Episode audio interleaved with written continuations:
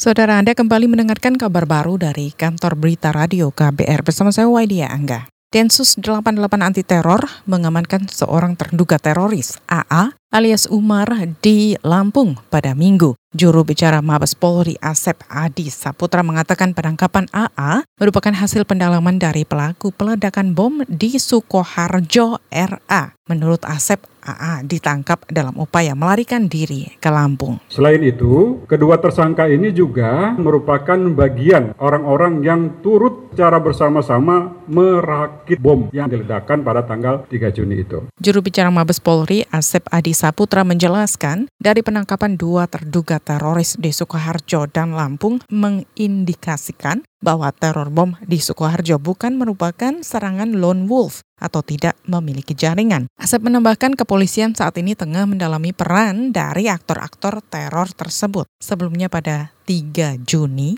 RA melakukan aksi bom bunuh diri di pos polisi Kartasura, Sukoharjo. Akibat insiden tersebut pelaku mengalami luka berat.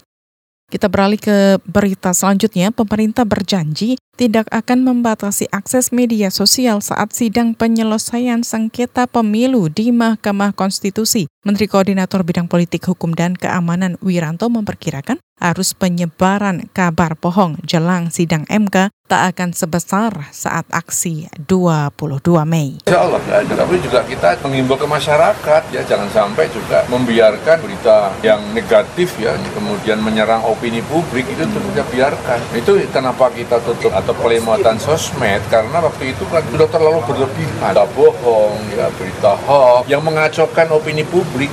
Menteri Koordinator Bidang Politik, Hukum, dan Keamanan Wiranto meminta masyarakat tak ikut menyebarkan kabar bohong lewat media sosial seperti saat aksi 22 Mei lalu. Wiranto menegaskan telah mengantisipasi ancaman keamanan jelang sidang penyelesaian sengketa pemilu di MK, salah satunya provokasi masyarakat lewat media sosial. Sebelumnya, kebijakan pembatasan media sosial dilakukan pemerintah saat aksi menolak hasil rekapitulasi suara pemilu oleh KPU 21 dan 22 Mei 2019.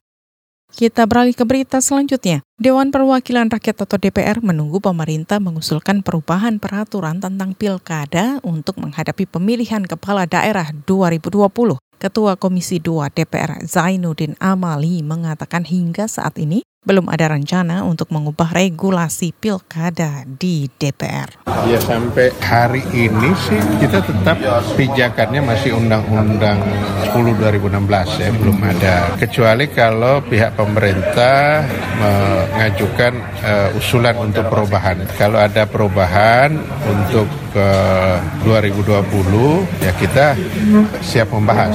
Ketua Komisi 2 Zainuddin Amali mengatakan DPR masih menunggu permintaan pemerintah untuk membahas revisi peraturan tentang pilkada. Sementara itu Ketua KPU Arief Budiman mengatakan KPU berharap pemerintah mengubah regulasi pilkada sebelum tahapan pemilihan dimulai. Menurut Arief, KPU akan kesulitan menghadapi perubahan yang mendadak, terutama di saat persiapan telah dimulai.